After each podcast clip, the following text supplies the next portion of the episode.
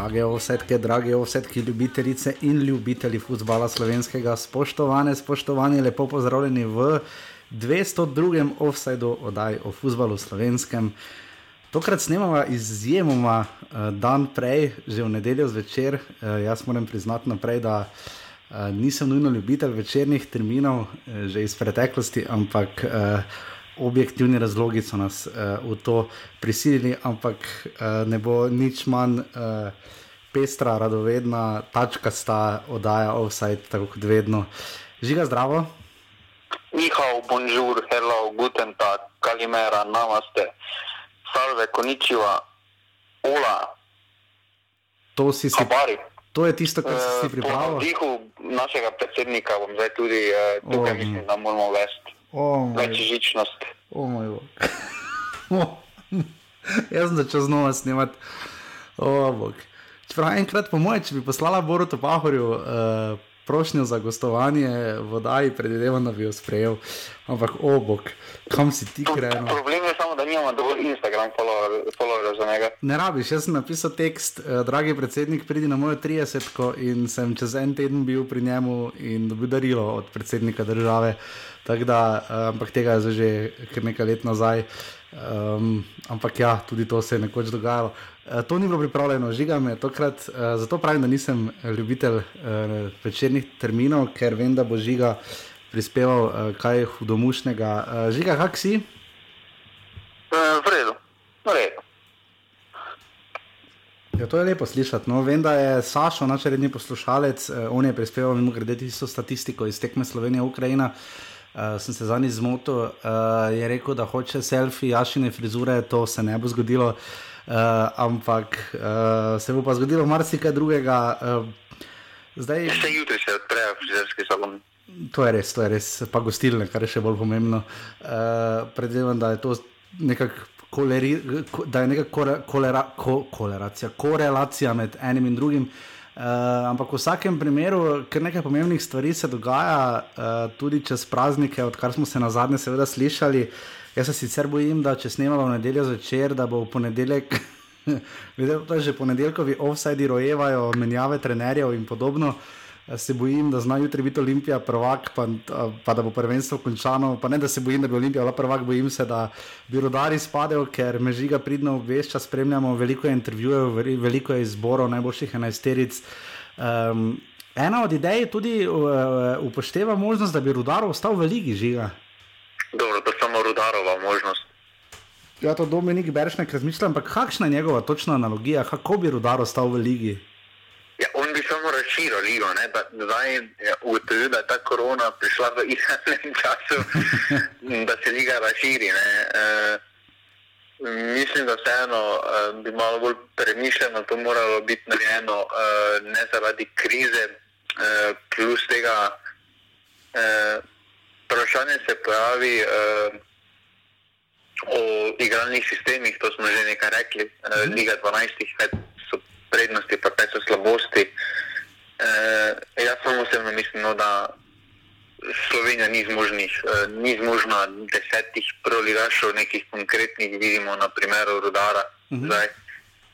Eh, Vprašanje, kaj se bo tudi po krizi zgodilo, kljub temu, ne glede na to, kakšne Koper, pa kakšne Gorico, so le finančno močni. Eh, Imamo tukaj malo šipkejše sredine, kot so Bravo, Tabor Sežana, eh, ne na vse zadnje tudi vprašanje, kaj se bo z enim aluminijem zgodilo, s celjani zdaj. Eh, dosti je slovenskih nogometov zdaj nezvanki in mislim, da ta širitev eh, ne bi eh, spodbujevala kvaliteto, ampak bi delala da moraš biti boljši samo od slabšega, ne bi silila k napredku. Mislim, da to ni smisel konkurence. No. Ja, definitivno tudi o tem se bova. Podobno v podobnem formatu kot prejšnji teden obadala še globoko v oddaji. Imamo znova gosta, Sandro Blaudek se vrača, uh, zelo fajn ga je bilo slišati, uh, trenutno deluje seveda kot pomočnik trenerja Tomislava Stipiča v Slavem Belupu in mu kar dobro gre, no, ampak jih je kar prerezala pač ta kriza, po kateri zdaj vidimo, da na Hrvaškem recimo že imajo vadbo 5 na 5, tudi o tem bo Sandro več povedal kasneje. Um, pri nas se zdaj jutri nekako sproščajo ukrepi, uh, sproščajo pač te omejitve, žiga, ni pa še neke prave razlage, točno kako naj se klubi tega lotijo. Ne? Pa dobro, malo so si kontradiktorne informacije, ki prihajajo. Predtem so že prihajale zelo spodbudne novice iz vseh koncev, tako nogometne zveze kot uh, iz ministrstva. Potem pa uh, je bil pred dnevi nastop ministrice na televiziji in je povedala, da trenutno vidi, da bi lahko samo individualni športi začeli uh, trenirati nekje do 15. maja in da bi lahko samo ti športi končali uh, lige, za druge ne vidi. Uh, vidimo tudi, da se na primeru Nemčije, ko smo radi na začetku dali za primer ali Avstrije, mm -hmm. stanje zapletano. Uh -huh. Ja, tam se zelo zapleta. Zdaj, prejšnji teden smo že mislim napovedali, da so francozi seveda končali prvenstvo, kar pomeni, da je Luka Elzner izpadel v drugo ligo. Uh, tam so se tako odločili, uh, zdaj vemo, da v Španiji in Angliji zelo ustrajajo, da bi se prvenstvo nadaljevalo, enako velja za Nemčijo, celo za Avstrijo. Obstajajo že nekateri namigi, da naj bi se prvenstvo vendarle nadaljevalo. Tudi pri nas gre v to smer, pa ne za se sprejela nekatere odločitve, žiga. Ne bo ti treba iti uh, stolpov štet, stolpov, ki je NZS rekla, fazeneriji, uh, da jih je treba zgraditi, uh, potem pa ne bo nič iz tega. Dobro, po mojem so pogledali vremensko napoved, da so videli, da bo streljal takrat, ko bo finale pokala, pa so raje na brdo predstavili. Ja, za ena od idej je, da se bi finale pokala odigrala skupaj z polfinalom, ne? če sem prav razumel, uh, na neutralnem igrišču vse tri tekme, uh, torej ne bi bilo niti povratnih in bi vse bilo, bilo odigrano. Na nacionalnem nogometnem centru na Brdu je edino en problem, je, problem je, da reflektorjev ni na tem uh, stadionu, ne, uh, zaradi uh, ptičev, kar smo že slišali v preteklosti, lahko v offsajdu to zna, glede na to, da je mislim, da finale delegiran eh, trenutno za 8. juli, to zna biti malo problemno, ker tekme kasneje, kasneje kot ob šestih ne more. Problem, da začnemo trenirati, potem je eh, iskanje termina problemno. To, to, se, to se definitivno strinjam, ampak samo pravim, da ima nacionalni nogometni center na Brdo nekaj pomanjkljivosti, ampak se tudi ne na zadnje osetih ima, ampak vemo, da ga vi toliko raje poslušate ravno zaradi njegovih mislim, da je tam bilo super. Ja, Vseeno pojedina, mislim, da tam hrana bi bila boljša. Ja, čeprav zdaj vprašanje, koliko je NZS našparal. Ne? Zdaj, dobro, stoletnico so imeli planirano zelo veliko, ampak predvidevali so. Ja, tudi... pa dobili so zdaj dojše denar. Ja, dobili so denar, ziga, uh, kaj o nekih 3-4 milijonih, milijonih evrov se je govorilo ne, za podporo klubom. To bodo klubi dobili ali ne? Trenutno, koliko so na zadnje povedali, no, vedno zvezo še ne vem na kakšen način.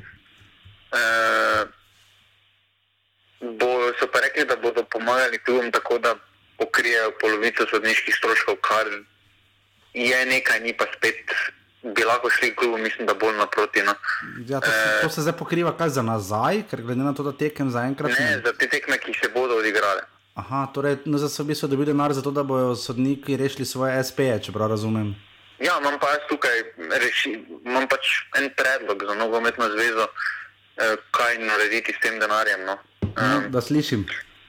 Eh, mislim, da bi bilo, eh, da se rešimo eh, polemik. Eh, oni so pa že imeli denar, pa več so še dobili denar, eh, zaradi tega si lahko koga več privoščijo, kupijo.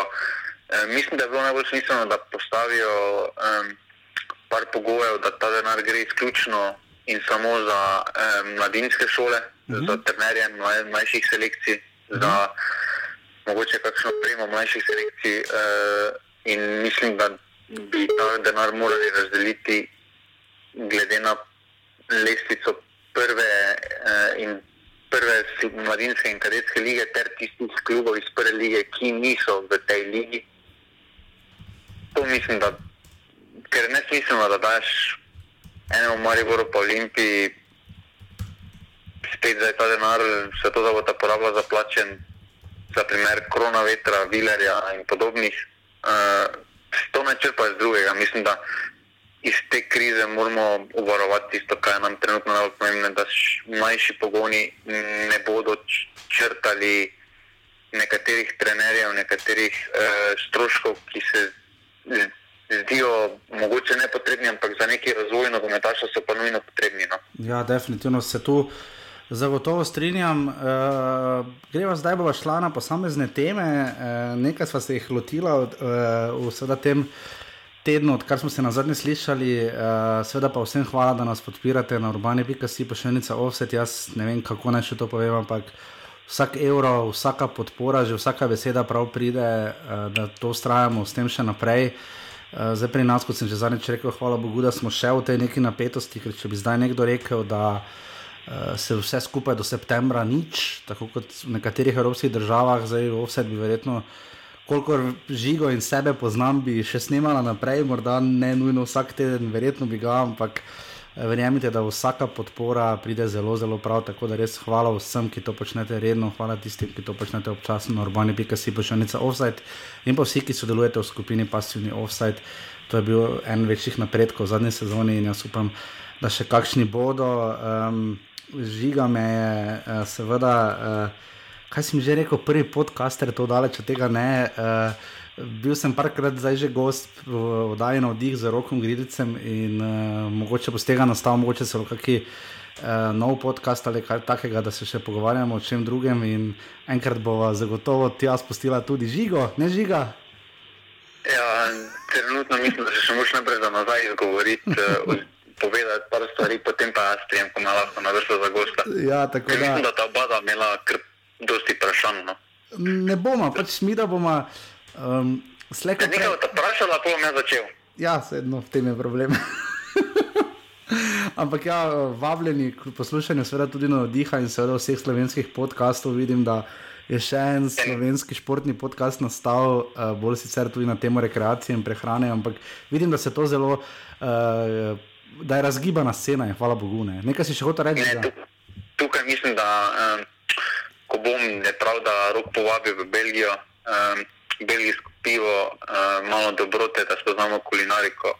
Žiga, get, mogoče kaj manj povedano. Žiga, get the fucking hint, ne. Mislim, mi da se že vabiva na brdo koliko, dve leti pa pol, pa nam še ni ratalo.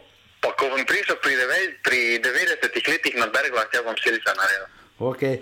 Gremo zdaj torej v drobovje 202. offsajda.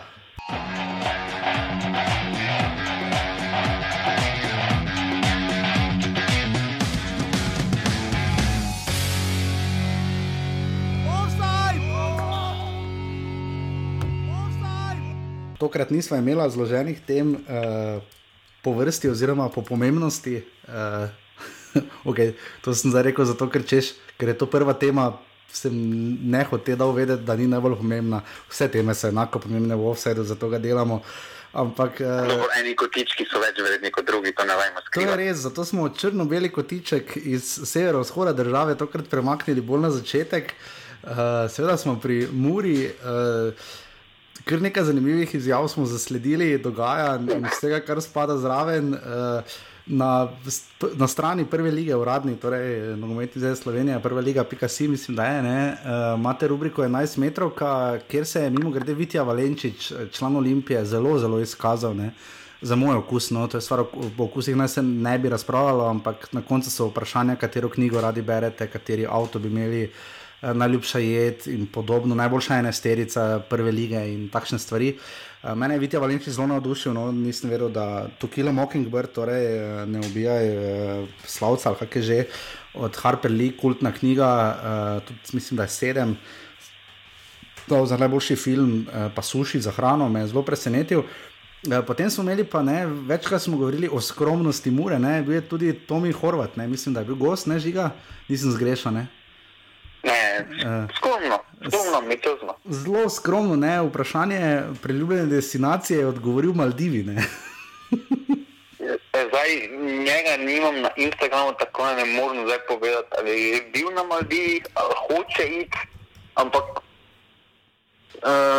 to je kontradiktorno, uh, pa da se tega to napačno. Z mojega vidika je super, da je človek ambiciozen, da si želi. Uh, tako eksotično destinacijo. Uh -huh. uh, ampak uh, to je uh, vseeno, ko pogledaš ti malo cene, uh, Maldivo pa pogledaš, uh, kdaj bistveno nogometaši lahko grejo na dopust. V teh uh, božičnih praznikih so cene. Relativno nizke, ja. Odvisno od kaj, ampak glede na to, kaj si se privoščijo, tam marsikdo, ko je že bil na tistih, vseeno ne bi rekel, da je tako nizko, da si lahko vsak član nogometne lige privošči to. No. Definitivno se nismo zašli na uh, character hunt, ne, da bomo uh, se s Tomijem Horvatom tako obadali, boh ne daj. Uh, ja, to bo samo malo off. Tako ali tako bi se, medtem ko bi uh, jedla pico, to je najljubša jed Tomija Horvata in igrala FIFO, kar je njegova najljubša igra, bi z žigo skupaj pela Kamiljo Kabeljo in Šona Mendesa, seniorita. Nisi to žiga ti meni enkrat predodajal, vrtel? Ja, absolutno, treba, da spoznamo moderno kulturo.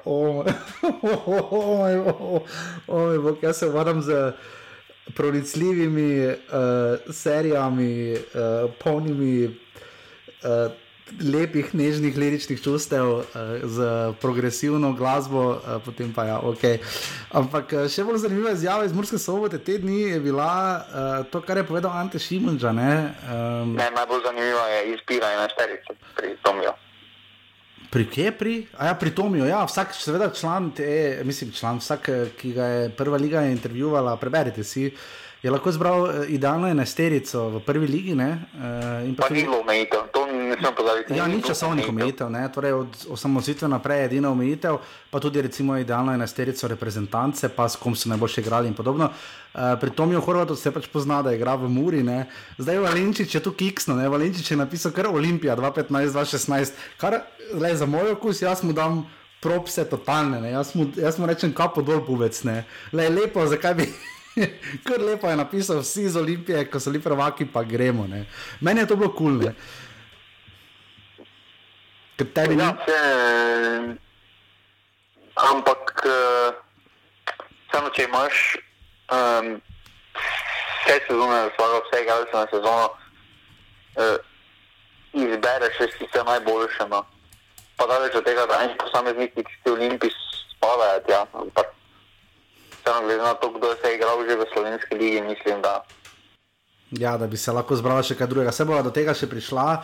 Uh, v Muri pa še toliko, ne? Ante Šimunč je zanimivo povedal uh, v teh dneh, da za spletno stran Sobota Info se je odzval, ne, uh, kdaj bo Mura lahko napadala najvišja mesta. Je rekel, oziroma še kakšna sezona ali dve, da bo kult kluba prišel do takšne ravni, da bo prva liga, ne bom rekel samo umevna, ampak bo glede na organizacijski ustroj sprejemljiva ali normalna, torej govorimo o naslovu. Ne. Še dve do tri sezone, ne. glede na to, puh, to je kar se mi zdi. Ne, ne bi rekel tako previdna izjava, koliko bi skoraj da rekel konzervativna. No? Pa dobro, jaz mislim, da se uh, malo vodstvo kluba Eh, mislim, da še ima nekaj mura, da še mora par korakov storiti na organizacijskem nivoju, ampak vseeno mislim, da so eni izmed boljših organiziranih športnih kolektivov trenutno v prvi ligi uh mhm. -huh. pri nas. Uh, ampak uh, jaz mislim, da jih bo uh, volja ljudstva jih bo povozila. No. Uh, mislim, da ljudstvo oziroma občinstvo uh, je vse skupaj že po dveh letih. Uh, Je že na tisti tekmi proti rodarju, pa na to radi se navezujemo, je pokazala, da remi ne bodo več dovolj, uh, sploh doma, da so zahteve postale malo više in uh, mislim, da sploh, če bi recimo letos mora osvojila Lovoriko, uh, potem, ko enkrat prideš na žmah, uh, po domače povedano, uh, hitro uh, ljudstvo poleti in lahko je brzati uh, manj kot tisoč občinstva, recimo, oziroma ne neke velike podpore, ampak mora, ne smemo postaviti, mora ima tisoč ljudi, gre na gostovanje v Gorico, če je treba. Uh -huh. Vseeno, za slovenske, za slovenske razmere so to izjemne številke in tukaj bo ljudstvo želelo hitro veliko več neki napredek. Dejstvo pa je, da že letos uh, nekega napredka, samega, razen tistega jesenskega dela, kjer niso izgubili uh -huh. zelo dolgo. Uh -huh. Ni po lestvici težko rečeš, eh, da eno cel je toliko bolj kakovostno, kot kaže točkovna razlika, da je eno aluminij bolj, bolj organizacijsko urejen kot ena mura. Pustimo, kaj bi se še zgodilo na, na, na daljnih 11 krogih, ampak lestvica je trenutno takšna, da oba ta kluba sta pred Muro, pred sezono, pa smo, pa smo jih vsi praktično vrščali eh, za njih. Eh, zdaj pa na to organizacijsko strukturo se zgovarjati, eh, mislim, da ni no smiselno, ker če pokrijemo ene domžale, so pa za Mariborom, pa mislim, da so trenutno tudi po Olimpii, po urejenosti kluba, da točno vejo, da kaj dela, kako potekajo stvari. Uh mhm. -huh pa vidimo, kaj kaže lestvica. Tako da organizacija kluba sama je pomembna, pa ni pomembna. No, pomembno je to, kar prikazuješ na igrišču in to, kaj mora v, je prikazala v spolu v slovanskem delu. Mislim, da ni dovolj dobro. No. Mhm. Na tej točki sledi žiga veliko presenečenje za te in za poslušalce. Ne napovedano, eh, z nami je Smiljan Kuhar, ne? Smiljan zdravo. Zdravo, ja še zdravo, žiga, zdravo vsi poslušalci in poslušalke offside. Ja, zdaj smo se eh, preselili na. E, zdaj zgrešno, zdaj zgrešno. Kaj zgrešno? Ja, gremo po strogu, posluša, gremo po strogu politično. In poslušalci offside, prosti žiga. Evo. Ne, če gremo strogo politično, po Matej to ni na razlagi, so ženske in ljudi samo na tej na, na svetu. Žiga jaz, žiga, jaz razumem, da ti je hudo, ampak ne vem, kdaj si ti začel tako skrbno spremljati uh, politiko. Oh, Mislim, lej, če ne bo sta dala mira, bom jaz začel za svojim uh, uh, upadljivim slogom oponašati Eriko Žnidršič. Tako da, gledaj, ok. Uh, gremo zdaj na točko Mure Žiga. Smiljan, govorila smo o tem namreč. Uh, O izjavi Anteja Šimunča za, za sobota info, da bo mora potrebovala dve do tri leta, da bo lahko realno konkurirala za naslov. Uh, Uh, mi smo to označili za konzervativno in žiga je spomnil na tekmo z rodarjem, da potrpljenja ne bo. Uh, kaj ti misliš? Ja, uh, na tej točki sem tudi sam tisti uh, pač, uh, prvi, ki ga nekako. Uh, Ta letošnji cilj, uh, čeprav je kao Mura drugo leto šele v prvi ligi, pač to je reinkarnacija Mure. Mura je za nas prek Murca vedno še tista ena. Uh, Eh, in to zdaj ne pomeni, da smo šele drugič v zgodovini v prvi ligi.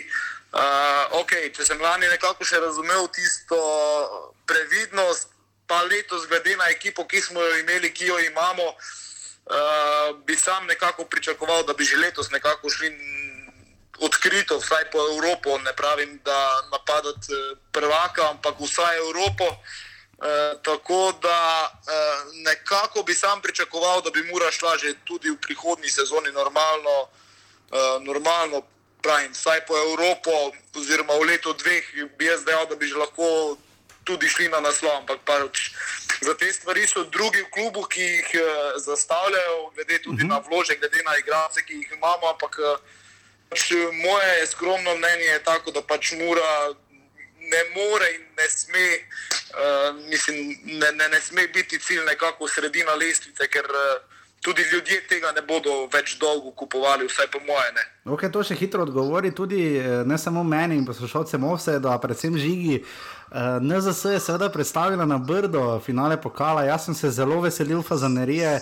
Žiga je večkrat pohvalil stolpe, ki ste jih uh, pod narekovaji morali zgraditi temu primerno. Kako, to, kako je bilo to sprejeto v Murski soboti? Uh, pa povem ti, da glede na to, ko se, ko se je izvedlo, da pač gledalcev na tekmi tako ali tako ne bo moglo biti. Uh, je, je bilo to razočaranje manjše, kot pa če bi bilo, ne vem, da se lahko odigra nekje na nekem drugem igrišču, pa so lahko le gledalci. Ker v vsakem primeru je, po moje, potem, če že nočemo imeti gledalcev, oziroma ne moremo imeti, bi tudi samo tveganje, oziroma tveganje pod narekovaj, da je tekma v Murski soboti, se pravi na Fazeneriji, ok, stopa ne bi bilo, bi pa bilo okoli stadiona 5000 ljudi, tako da so isto nabasani, kot da bi bili na stadionu.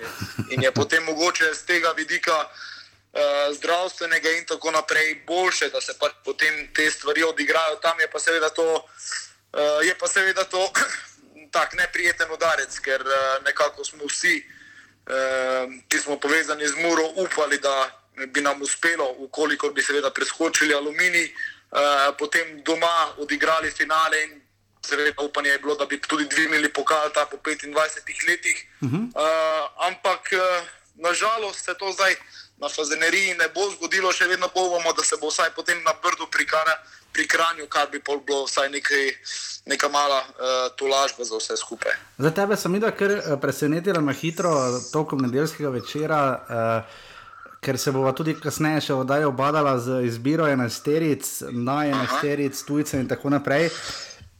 In sva tebe nekako poprosila, uh, tvoj vidik, pa upam, da bo to uh, nagovorilo tudi tiste poslušalce, ki seveda navijajo za muro, da bodo v skupini Pasuni Offset prispevali svojo. Uh, kaj bi ti rekel, da je od osamosvojitve naprej uh, idealna enesterica mure, pa gremo kar na začetku. Uh, uh, kdo je Golman?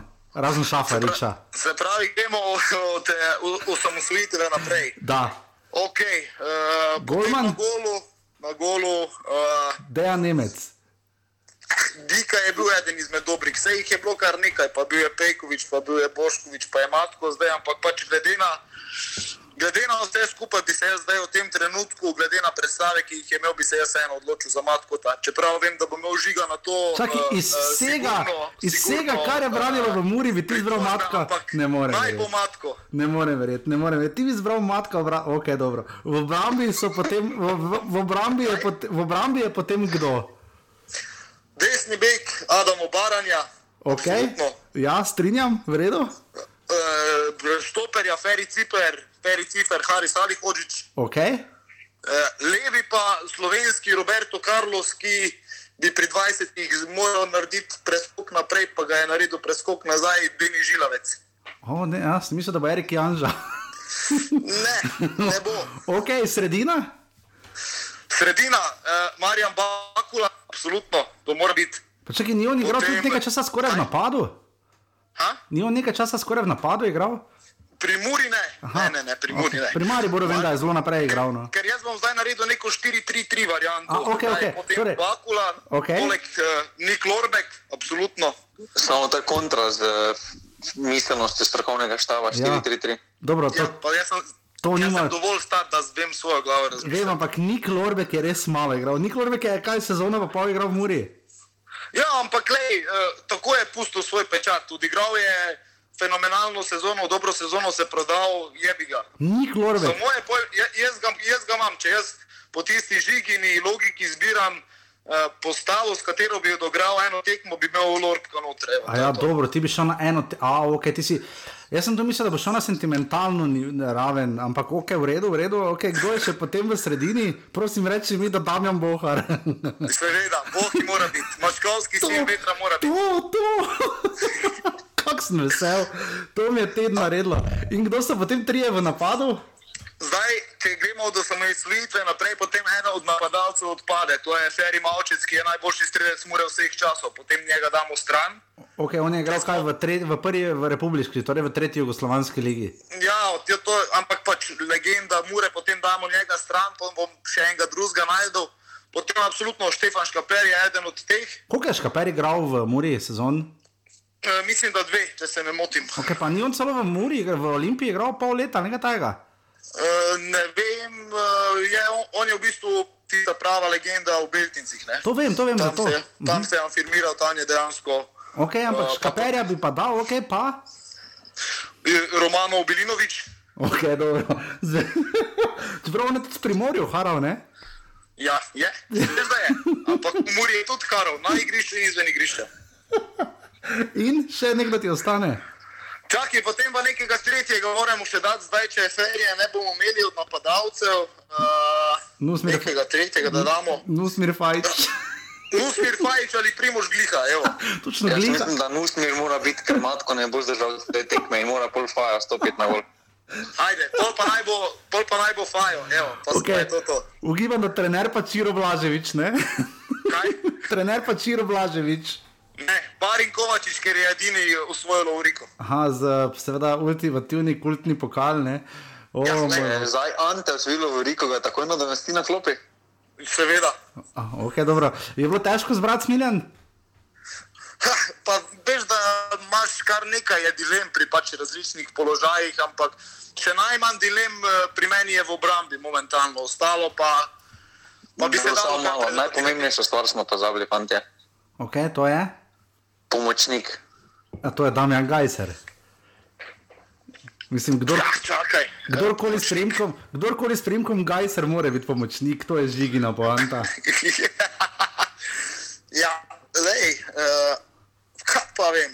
Ampak. Za- Ja, ne, sam, moramo dati nekoga, ki je bil pomočnik, se pravi, ja, pol, naj, po naj bo gajsi, ajde, Okej. naj bo res gajsi. Ampak ni teoretično gledano največji uspeh Mure, ne, uh, igranje, če tudi za zeleno mizo bilo to doseženo, ne, igranje v playoffu uh, za Evropsko ligo. Ne.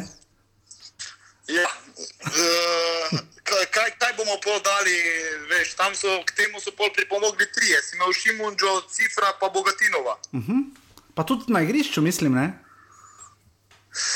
Tudi na igrišču, ja, res je. Ni No, pa- vse tiste, vse tiste postave imaš Bohija pa uh, Fajota. Ja, drži, Dovolj. drži, drži, drži. Smiljan, uh, kaj bi še povedal poslušalcem Offsida? Ja, da upam, da, upam, da niso tako depresivni, ker ni fuzbola kot jaz. Ja, to Dobro, zdaj smo to zadostili tistim uh, narekovajih zlobnim jezikom, ko so rekli, da imamo kotičke, pa ne gostimo uh, nekoga iz tistega okolja, da smo temu eh, to klukico lahko zdaj naredimo končno. A ja, tisto, da, da brani svoj klub, da Ja, zagovarja. ja, ja. No, pa, Čeprav, ajde, kaj- čeprav to, kar se si zdaj povedal, si se tako strinjal z mano. tako da.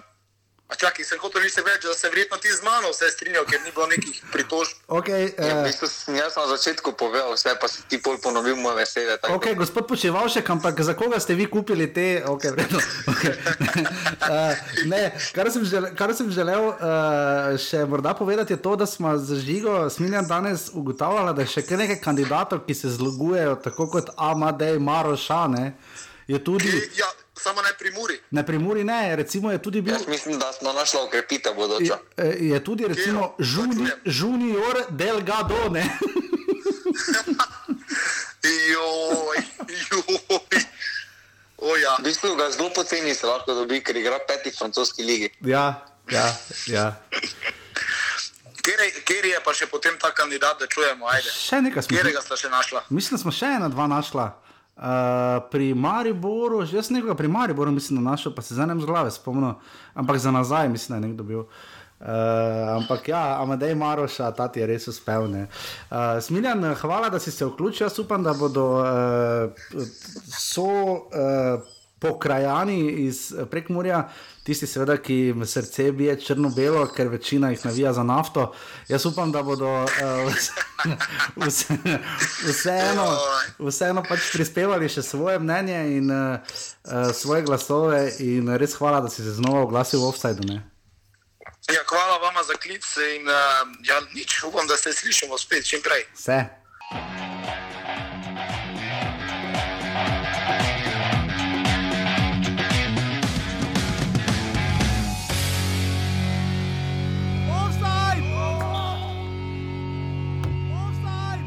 To je bil res kar pester klic in pester izbor. In teh izborov žiga zadnje dni kar nekaj. Vem, da mi smo jih nekaj delali, vedno na koncu sezone, pa navadi offset izbira svoje nagrade, takrat uh, ti veliko prispevaš. Ampak uh, v bistvu zanimivo je, ko že samo do osamosvojitve Smiljan je tudi omenil še odprej kakšnega igralca, ne, uh, tudi pri Mariboru je takšen problem. Uh, Pri Olimpiji so izbirali zdaj v eri Milana Mandariča, ker imamo kar luknje spominske. Recimo se mi zdi, da pri nas so zelo luknje med 2000 in 2010, tako imam vsaj jaz občutek. No?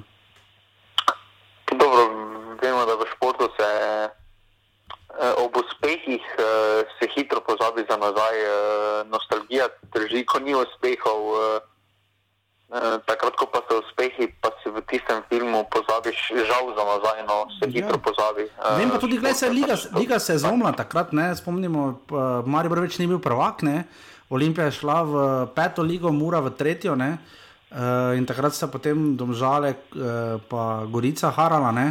Uh, in se takrat liga kar zlomila, in zato pri teh večjih klubih se zdi, da morda um, pride do nekih sprememb. Me- Meni se zdi, da je zelo vrel uh, Smiljan zbral, no, in upam, da bomo še koga dobili iz posameznega. Ja, to bomo videli, ko bo mm, še ostali mm, murači povedali, če se strinjali. Ja, joj, zdaj sem skoraj rekel vsi štirje, ampak se bom zdržal komentarja.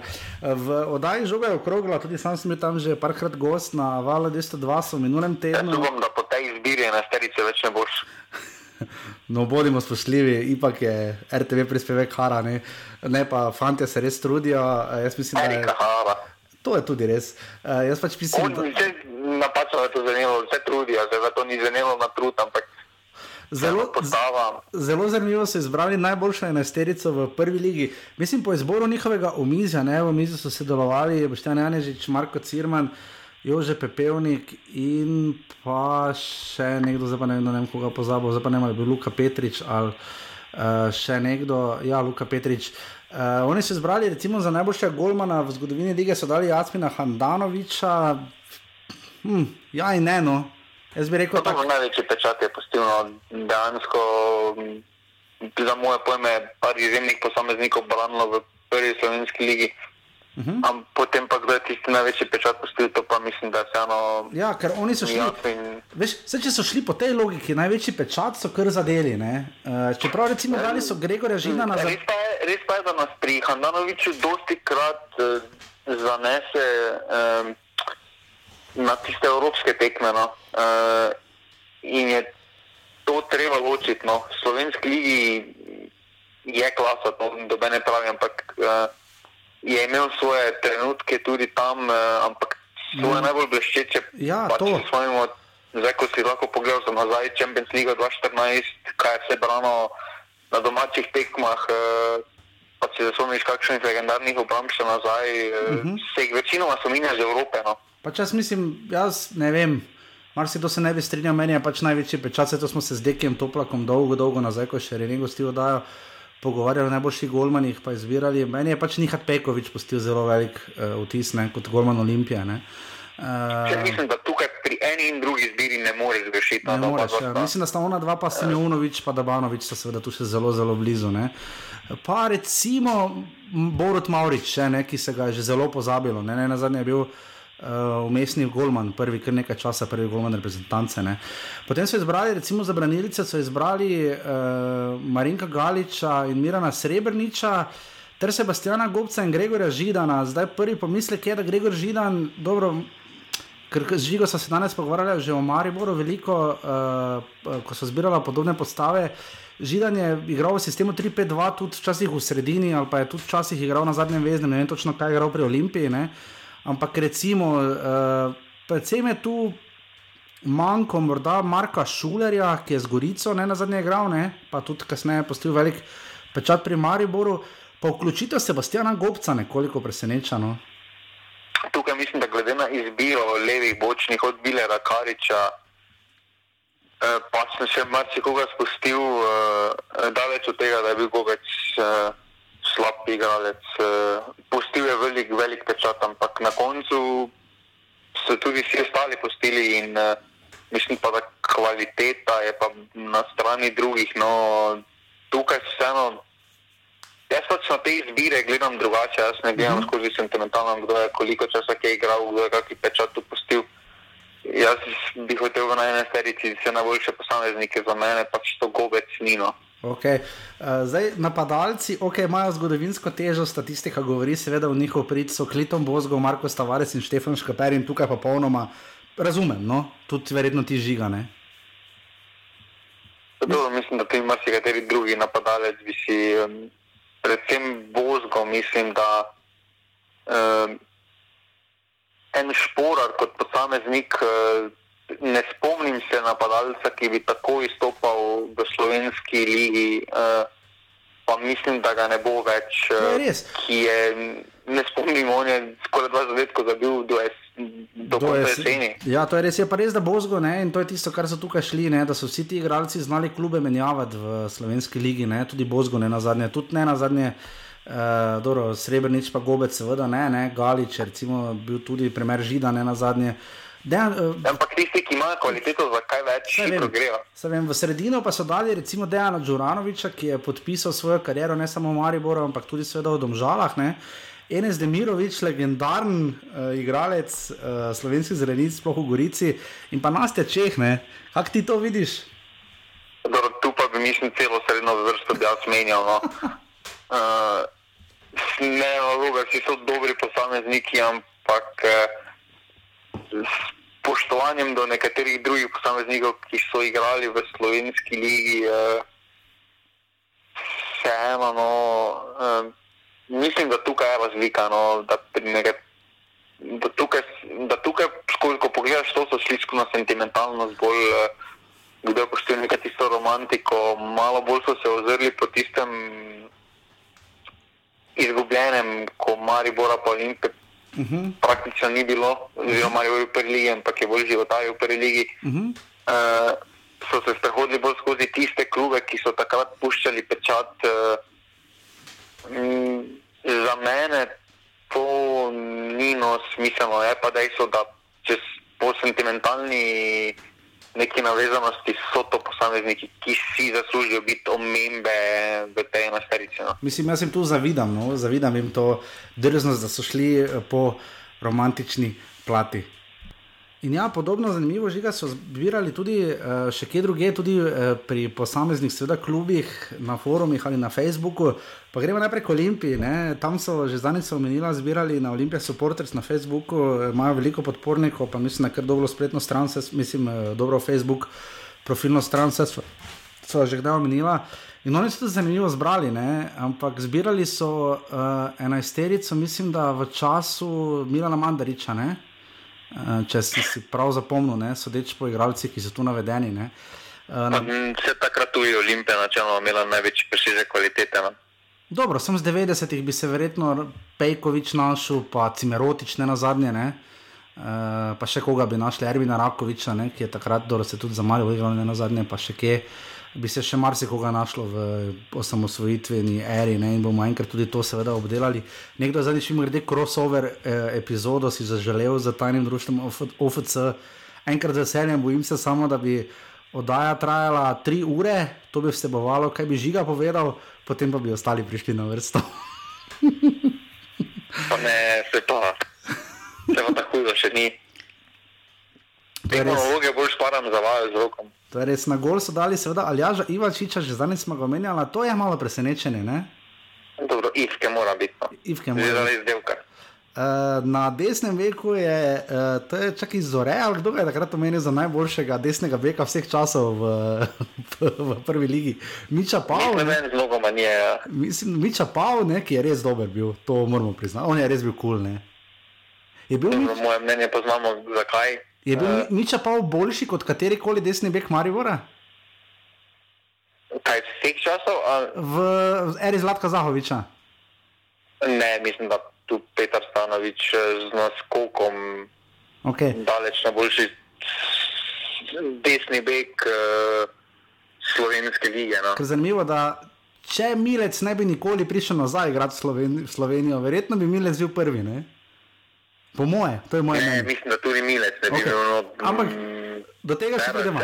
Naj nam imel tisto neko, nekaj več, no, na koncu se tista postava praktično ni menjala, pa je potem vem, vem, vem, do tega še pridemo. Not, pa je bila liga prvakov. Vem, vem, to smo samo primerjali za to. Na, na levem beku je tvoj, uh, marsikdo je povedal, da je uh, uh, kar quite a resemblance, ne? da zelo spominjaš na uh, Dina Štigleca, uh, da sta si zelo podobna. Jaz bi se s tem strinjal. Štiglec je bil dober, levi bek. No? Zelo. Uh, dober je bil, predvsem pa je bilo pri njem pozitivno to, da na tistih večjih tekmah, sploh derbih, si lahko vedno se zanesel na njega, tudi če prišel v mhm. slabši formi na takšno tekmo, je na tisti tekmi vedno dobro odigral ali v smislu napada ali defenzive.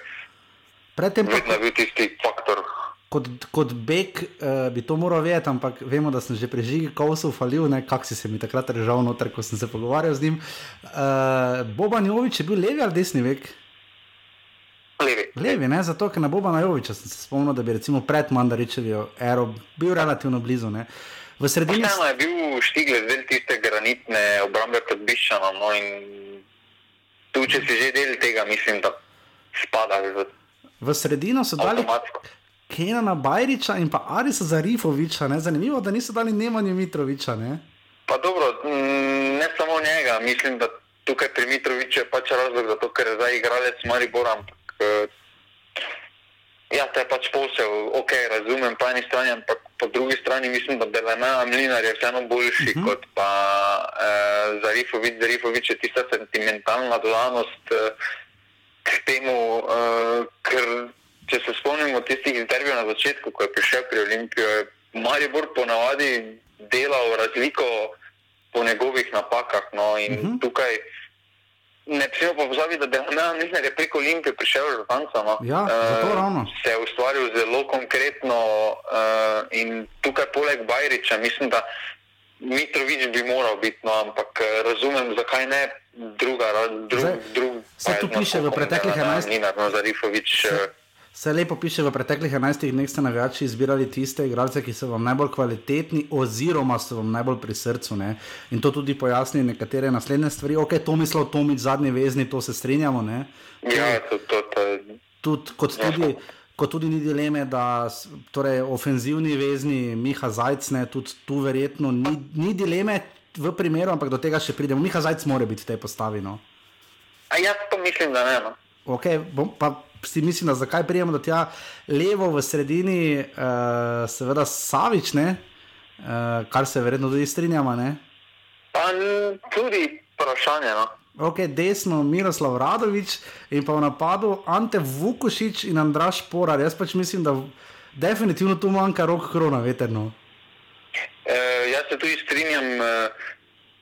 Dejstvo je, da po kvaliteti zdaj spada sem, uh, ampak uh, meni Savič po kvaliteti ne spada. No. Uh, je igralec, skozi katerega gre dosti prometa, ampak zelo malo učinka. Uh, je od njega sploh na tistih večjih tekmah, če zvonimo derbijev. Uh, Milec, ne vem, v kakšni formi je bil, Savič nikoli ni izstopal, no, poleg njega. Uh, in tukaj je ta problem. Uh, da en, na koncu že menalo je pustil v smislu same igre, v smislu same delanja razlike, pustil dosti večji. Uh, dosti večjo razliko pri meni, no. uh, mislim pa, da rok korona veter, kdo je zabil tisti, tisti 11 metrov, ko kdo je vedno prevzel odgovornost, uh -huh. uh, tudi ko je sta dva skupaj zajcem v ekipi. Uh, je bil koronavirus tisti, ki je nosil celotno ofenzivno igro Olimpijano. Ja, tu se definitivno strinjam. Še morda po najnem mnenju, kdo tu manjka, nekaj igralcev, še vedno je bilo blesinke leke, recimo se delno lahko ponuja. Ne, ne uh, niti podrazno. Niti podrazno. Kaj pa Alves, Riki? Pa tudi opcija bi bila, mislim, da tudi v smislu. Sam sistem je malo čuden, no mislim, da Čanadžija bi si tudi zaslužil omembo, uh -huh. uh, ker je vseeno v smislu stabilnosti igre takrat Olimpij veliko prispeval, da so imeli tako dobro sezono, da so osvojili dvojno krono. Uh, redko kateri srednji vezni pridejo v ligo in, in, v enem, in v enem letu tako dominirajo. In tukaj tudi mislim, da bi on jaz malo sistem spremenil, uh -huh. ker vseeno. Sloveniji redko kdaj vidimo 4, 1, 3, 2. Ja, okay. Tudi tud Darja uh, Matič, recimo, se ime ponuja. To recimo, je pri teh izbirah vedno teže, ker dejstvo je, da ofenzivnih igralcev se veliko lažje spomniš in zato je dosti lažje, da postaviš 3, 2, pa imaš, uh -huh. pet, imaš, imaš pet pozicij za napolniti, eh, kot pa da imaš eno manj, ampak vseeno treba v neki realni sliki držati, kako se igra nogometno. Ja, ni že dol po recimo, sistemu, bi se lahko Darjana Matiča spomnili, ne? više gor, recimo tudi tebi ljubega Isaha Avasa. Ne? In še verjetno marsikoga. Ne? Niso pa zbrali. Ja, no, tudi Isa Havas je recimo boljša rešitev kot, uh, um, kot pa Savično. Ne vem pa, če so zbirali trenerja, ampak vse tu se verjetno vsi strinjamo. Ne? Oziroma se piše, ja, da so seveda izbrali Igorja Biščana. Ne? Uh, zanimivo, no? kot te lesice. Zanimivo je, da bi bolj safe bil. No? Ker Vseeno, če bišan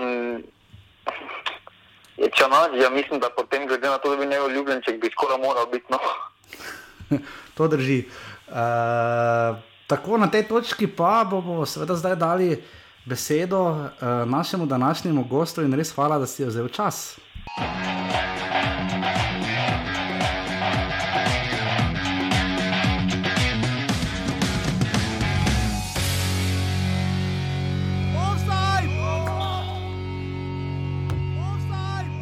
Tako čas veselje in ponos nam je, da lahko znova gostimo gosta, ki uh, takrat je bil res dobro sprejet v 123. offsetu, torej uh, kar nekaj offsetov nazaj.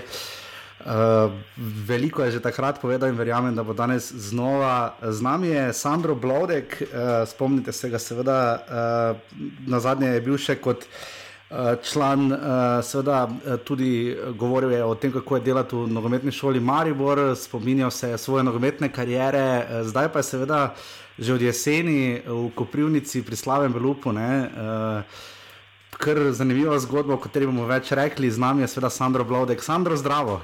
Zdravo, zdravo, lepo zdrav, tebi, Jaša, pa vsem poslušalcem in bralcem Offside. Sandro, kdaj si bil na zadnje doma? Doma sem bil na zadnje pred uh, nekje tremi in pol meseci, mislim, da torej, smo začeli te priprave.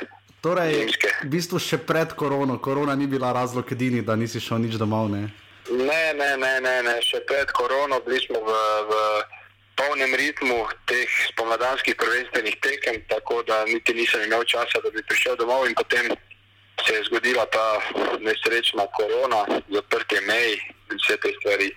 Kako je zdaj, eh, ker večinoma smo, smo se vsi fokusirali na igralce, kaj počnejo, ne? kako rekreirajo, kako žonglirajo z večje rolami in podobno. Ne? Ampak pač oni, ja. oni vse nekaj počnejo, dobijo neka navodila. Uh, zdaj, trenerski posel, uh, vse čas se izobražujete. Kaj počnete v strokovnem štabu, ljudje, pomočniki trenerjev in tako naprej? Kaj počneš ti konkretno? Pa kaj gledate, da igralci delajo, dobijo navodila, seveda od nas, uh -huh. uh, od strokovnega štaba. V vsakem klubu verjamem, da je podobno. Tako da vse programe, vse, vse stvari, ki so jih igralci morali delati v tej uh, izolaciji, vse te individualne programe, smo sestavljali mi. Tako da v bistvu mi smo cel čas delali, nismo, te, nismo bili ene, mesec dni mogoče v, v direktnem kontaktu z igralci. Uh -huh. uh, smo pa bili v konstantni komunikaciji. Uh mhm, -huh, igralci, spremljali smo njihovo delo, sestavljali program, programe uh mhm. -huh. različne, uh, spremljali njihov napredek uh, in uh, delali plane za naprej, ker vsi smo, vsi smo pričakovali, da se bo to čim prej končalo. Treba, treba je biti pripravljen za, za, za sezono, za, za novo situacijo, ki bo vse prej kot normalna. Uh mhm, -huh, ja, definitivno. Zdaj, Eh, ponavadi trenerji imate neke knjige pripravljene, ne, vaje so to vezani, skoraj da delovni zvezki, bi se lahko reklo. Ne. Eh, zdaj za primer koronavirusa ni imel noben učbenika naprej napisanega. Ne. Se tu klubi med sabo posvetujete, je vsak strokovni štab naredil po svoje, dal navodila igravcem, po čem se tu ravnate, recimo tudi po izkušnjah iz daljšega zimske pauze, kaj, kaj ste tu konkretno naredili v strokovnem štabu? Ja, situacija je bila zanimiva, ker eh, odkar jaz eh, vem za sebe, ni bilo nikoli še takšne prekinitve v nogometu. Se pravi, da po tej zimski pauzi, po pripravah, upravljenih po šestih, sedmih odigranih kolih, koliko smo jih mi odigrali tukaj na Hrvaškem, uh mhm. -huh. se je enostavno zgodila ta, ta prekinitev, nenadna, uh -huh. kater, na katero se noben ni pripravil. Tako da smo vsi verjamem, da vsi klubi po, po svetu smo več ali manj morali improvizirati. Ja, Daj, na začetku je bilo zelo pomembno, ker noben na čelu, mogoče z, z, z vladnimi institucijami, ni vedel točno, s čim se spopadamo. Na začetku smo dali seveda igralcem. Prost, eh, prost teden, da, da odidejo domov, da so s svojimi družinami v teh težkih trenutkih. Potem v tem času smo že imeli nekako pripravljene te individualne programe za vsakega igralca, imeli smo nek plan, mm -hmm. uh, poskušali, smo, poskušali smo nekako oceniti, koliko bi to lahko približno trajalo, uh, in seveda poskrbeti, da igralci ostanejo v, v koliko toliko neki normalni, no, normalni formi, optimalni formi, da ko se vrnemo na, na delo na igrišča da, da ne pride do nekaterih nekakšnih poškodb oziroma česa podobnega. Ja. Tako da fokus je bil nostop na nogomet. Eh, v celem uh -huh. v, v mesecu dni ali pet, petih tednih, koliko smo pauzirali, je bil fokus skozi na nogomet. Ja. smo te videokonference z igralci, uh -huh. ker smo bili nostop v tem virtualnem kontaktu, ampak uh, in zdaj, hvala Bogu, smo, smo spet skupaj na igrišču. Ja, zdaj eh, ti si v oktobra ne prišel z. Tomislavom Stipičem, uh, k Slavem Belupu in uh, kakšna je bila ta izkušnja, kakšen je ta preskok? Ne? Prej si še, ko smo se tudi na zadnje pogovarjali, bil si uh, treniral si mlajše selekcije tudi pri Mariboru. Uh, kakš, kakšen je ta preskok bil za te? Ker Slaven Belupo je zdaj že pa kar uveljavljeno ime na Hrvaškem, tradicionalni prvi ligaš in letos za mene na zadnje uspelo priti do pol finala pokala. Ne? Uh, ja, moram reči, da, da sem dobil, glede na to, da sem, da sem relativno zelo mlad trener. Uh -huh. Kajti mhm. večina, večina igralcev še, še igra v mojih letih, 34, na zadnje imamo tudi v naši ekipi nekaj igralcev, ki so stari vsaj kot jaz ali, ali mogoče kakšno leto starejši. Uh -huh. e, moram reči, da je, da je priložnost, eh, ki sem jo dobil, eh, da, da se priključim profesionalni prvoligaški ekipi v močni ligi, kot je Hrvaška liga, uh -huh. e, zelo velika priložnost in sem hvaležen za njo. Dobil sem dosti izkušenj v teh sedmih mesecih, koliko smo v tem klubu. Uh mhm. -huh. Moram reči, da sem zelo, zadovolj, zelo zadovoljen. Klub je eh, eden najbolj stabilnih hrvaških prvoligašov, uh -huh. eh, ima veliko tradicijo, nima nekih eh, osvojenih lovorik, ampak je klub, ki, ki, ki velja za, za, za, za, za zelo stabilnega in spoštovanega na, na Hrvaškem. Ja, da, uh -huh. eh, korak naprej sem sigurno naredil iz mladinskega nogometa. Čeprav verjamem, da, da človek mora prvo eh, svoje znanje utemeljiti. Jaz sem začel eh, recimo, eh, spodaj na lestvici, se dokazoval v nogometni šoli z, z otroci pri Mariboru, eh, končal te, to trenersko izobrazbo na naši slovenski trenerski akademiji. Uh mhm. -huh. Zdaj postopoma, postopoma napredujem v članski nogomet. Uh -huh. Zdaj, super, jaz sem zelo, zelo zadovoljen. Tudi pri nas imamo nekaj primerov trenerjev, ki so zelo hitro šli v trenerstvo. Recimo iz uh, Slovenije sta bila takšna dva primera, oba sta vodila domžale, sta bila recimo Luka Elzner in pa še zlasti Simon Rožman, ne, uh, proti kateremu si se tudi kot del strokovnega štaba pomeril ne, uh, v hrvaškem prvenstvu. Kaj vidiš to, nekoga, ki je recimo tu star okrog 40, 45, to je recimo 6, 7 do 10 let starejših ljudi kot si ti. Uh, kaj, kaj mora trener poskrbe, poskrbeti, kakšna je ta pot, v kateri si sam, kaj je treba vse narediti, da prideš do te poti? Kaj vidiš zdaj, recimo nekoga kot je Simon Rožman? Ne? Pa, gled, jaz mislim, eh, predvsem, da trenerski poklic, da sem še relativno mlad, ampak mislim, da te trenerski poklic nekako pokliče. Da, da, da uh -huh. se, ne vem, redko kdo se čisto, čisto zavestno odloči za to. Se pravi, čutiš eh, neko, neko potrebo, potem neko zanimanje in potem, ko stopiš v ta svet. Je to uh, ena spirala, ki te enostavno vleče, vleče, vleče, ker Nogomet je ena neskončna stvar, se pravi, informacije so neskončne, eh, ni tistega končnega cilja. Iz, iz vikenda v vikend, iz leta v leto te vlečejo nove zmage, nova dokazovanja. Tako da je to zelo zanimivo delo. Glede na to, da prihajam iz nogometne družine, da sem bil igralec in mm -hmm. potem tudi eh, recimo, na, več ali manj na ključno eh, še v ta primerski posel. Mislim, da, da, da je to en poklic, za katerega moraš imeti veliko strast. Kar mm -hmm. se tiče Simona, mm -hmm. z, z Simonom se osebno, preden sem prišel na Hrvaško, nisem poznala. Mm -hmm. eh, on normalno je že bil trener, jaz sem še takrat bil igralec, mm -hmm. potem sem nas začenjal. Eh, sva se pa zdaj v, v naših eh, dveh dvobojih, kateri smo imeli med seboj, mm -hmm. dosti pogovarjala. Tudi, eh, zelo, zelo, zelo prijetna oseba, zelo velik strokovnjak. Mislim, da je slovenska nogometna javnost tako ponosna, da ima trenerja v, v zelo, zelo močnem klubu na Hrvaškem. Uh mhm. -huh. To je liga, ki, ki je močna, ki ima dosti svojih strokovnjakov, ne na zadnje je to država, ki je bila na zadnjem svetovnem prvenstvu uh -huh. eh, druga na svetu. Uh mhm. -huh. Tako da to ni treba podcenjevati in to eh, delo, ki ga upravlja Simon v, v Rijeki, je spektakularno. Tako da Trenutno, koliko vem, smo samo dva trenerja iz Slovenije na Hrvaškem, v Ligi, ki je močna, v Ligi, ki ima deset klubov in zelo dosti priznanih trenerjev in bivših igralcev. Tako da mislim, da je to zelo velik dosežek. Sandro, letos smo novinari parkrat spraševali, vem, da je kolega Mitrovič iz ekipe eh, parkrat vprašal tudi Darka Milaniča, pa še koga. Ne? Uh, da smo recimo imeli primer igralcev, ki so bili recimo iz B ekipe Dinama, ne? Luka Menalo je recimo tak primer, pa še marsikoga bi se našlo, ki so prišli iz Hrvaške. Ne? ki, uh, in so prišli k nam in hitro naredijo razliko, individualno, bodi si v napadu, bodi si v sredini, bodi si v obrambi. Uh, in smo se vprašali, ali to pomeni, da je Hrvaška liga res toliko močnejša. Ne? Če nekdo, ki ne more niti za lokomotivo igrati, ne?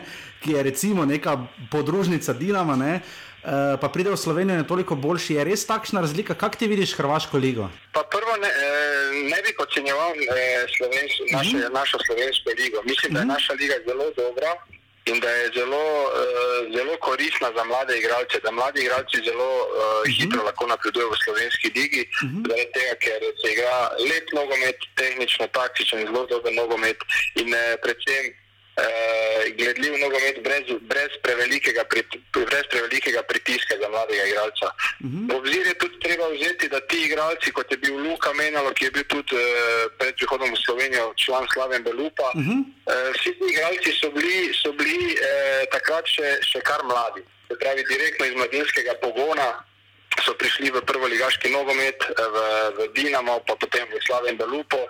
In seveda tudi v slovenski ligi za mladega igralca iz mladinskega pogona se takoj težko prebiti v prvo moštvo. Uh mhm. -huh. Luka Menala je prišel v Olimpijo, ko je že malo dozorel. Uh, očitno mu sredina zelo paše, ekipa je dobra in, in je, in je fant napredoval. Uh -huh. uh, Hrvaška liga je pa podobno kot slovenska. Uh -huh. uh, moramo vzeti v obzir, da Hrvatov je recimo po populaciji dvakrat več kot nas, uh mhm. -huh. se pravi, eh, avtomatsko imajo, imajo eh, možnost večjega izbora igralcev že v mlajših eh, kategorijah. Nogomet je ene vrste religije na Hrvaškem, kar vsi poznamo, kateri smo hodili poleti na, mor, na njihovo morje in ko je kakšno tekmovanje, vemo približno, kako to izgleda. Uh -huh, ja. e, medijsko in, eh, in eh, menedžersko so zelo močna država in nogometno na, na, na, ne na zadnje zelo priznana v svetu, kajti imajo non-stop uspehe, imajo vrhunske igralce. In vse to, ko se, ko se vse to vzame v obzir, pride do ene eh, nogometne vele sile, eh, ki je ki je za populacijo 4 milijone prebivalcev, ki jo imajo Hrvati, nekaj nenavadnega. Mhm, definitivno. Uh, definitivno ja. Sandro, koliko je, ne moremo imeti vprašanja, ne, je na Hrvaškem kaj odmevalo to, da je Sergej Kirovič postal trener Maribora? Mislim, da je. Mislim, uh mhm. -huh. da je toliko, koliko sem bral v medijih.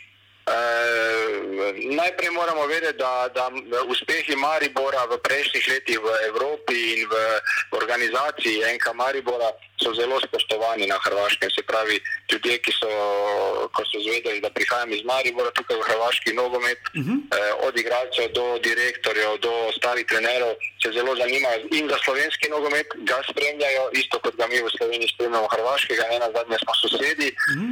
eh, zelo se zanimajo za. za Za strukturo, za uspehe Maribora in kako je to vse uspelo, -huh. enka Mariboru. Uh -huh. Tako da Eh, Maribor je velik klub v očeh Hrvatov in eh, prihod njihovega trenera v najtrofejnejši klub v naši državi je vsekakor tudi eno veliko priznanje za njih. Ja, definitivno. Veš, kaj me je vedno zanimalo? Na Hrvaškem so razdalje, pač dobro, Slovenija je relativno majhna, ne? na Hrvaškem znajo razdalje biti eh, kar dolge, ne? če treba iti skoprivnice v split. Ja.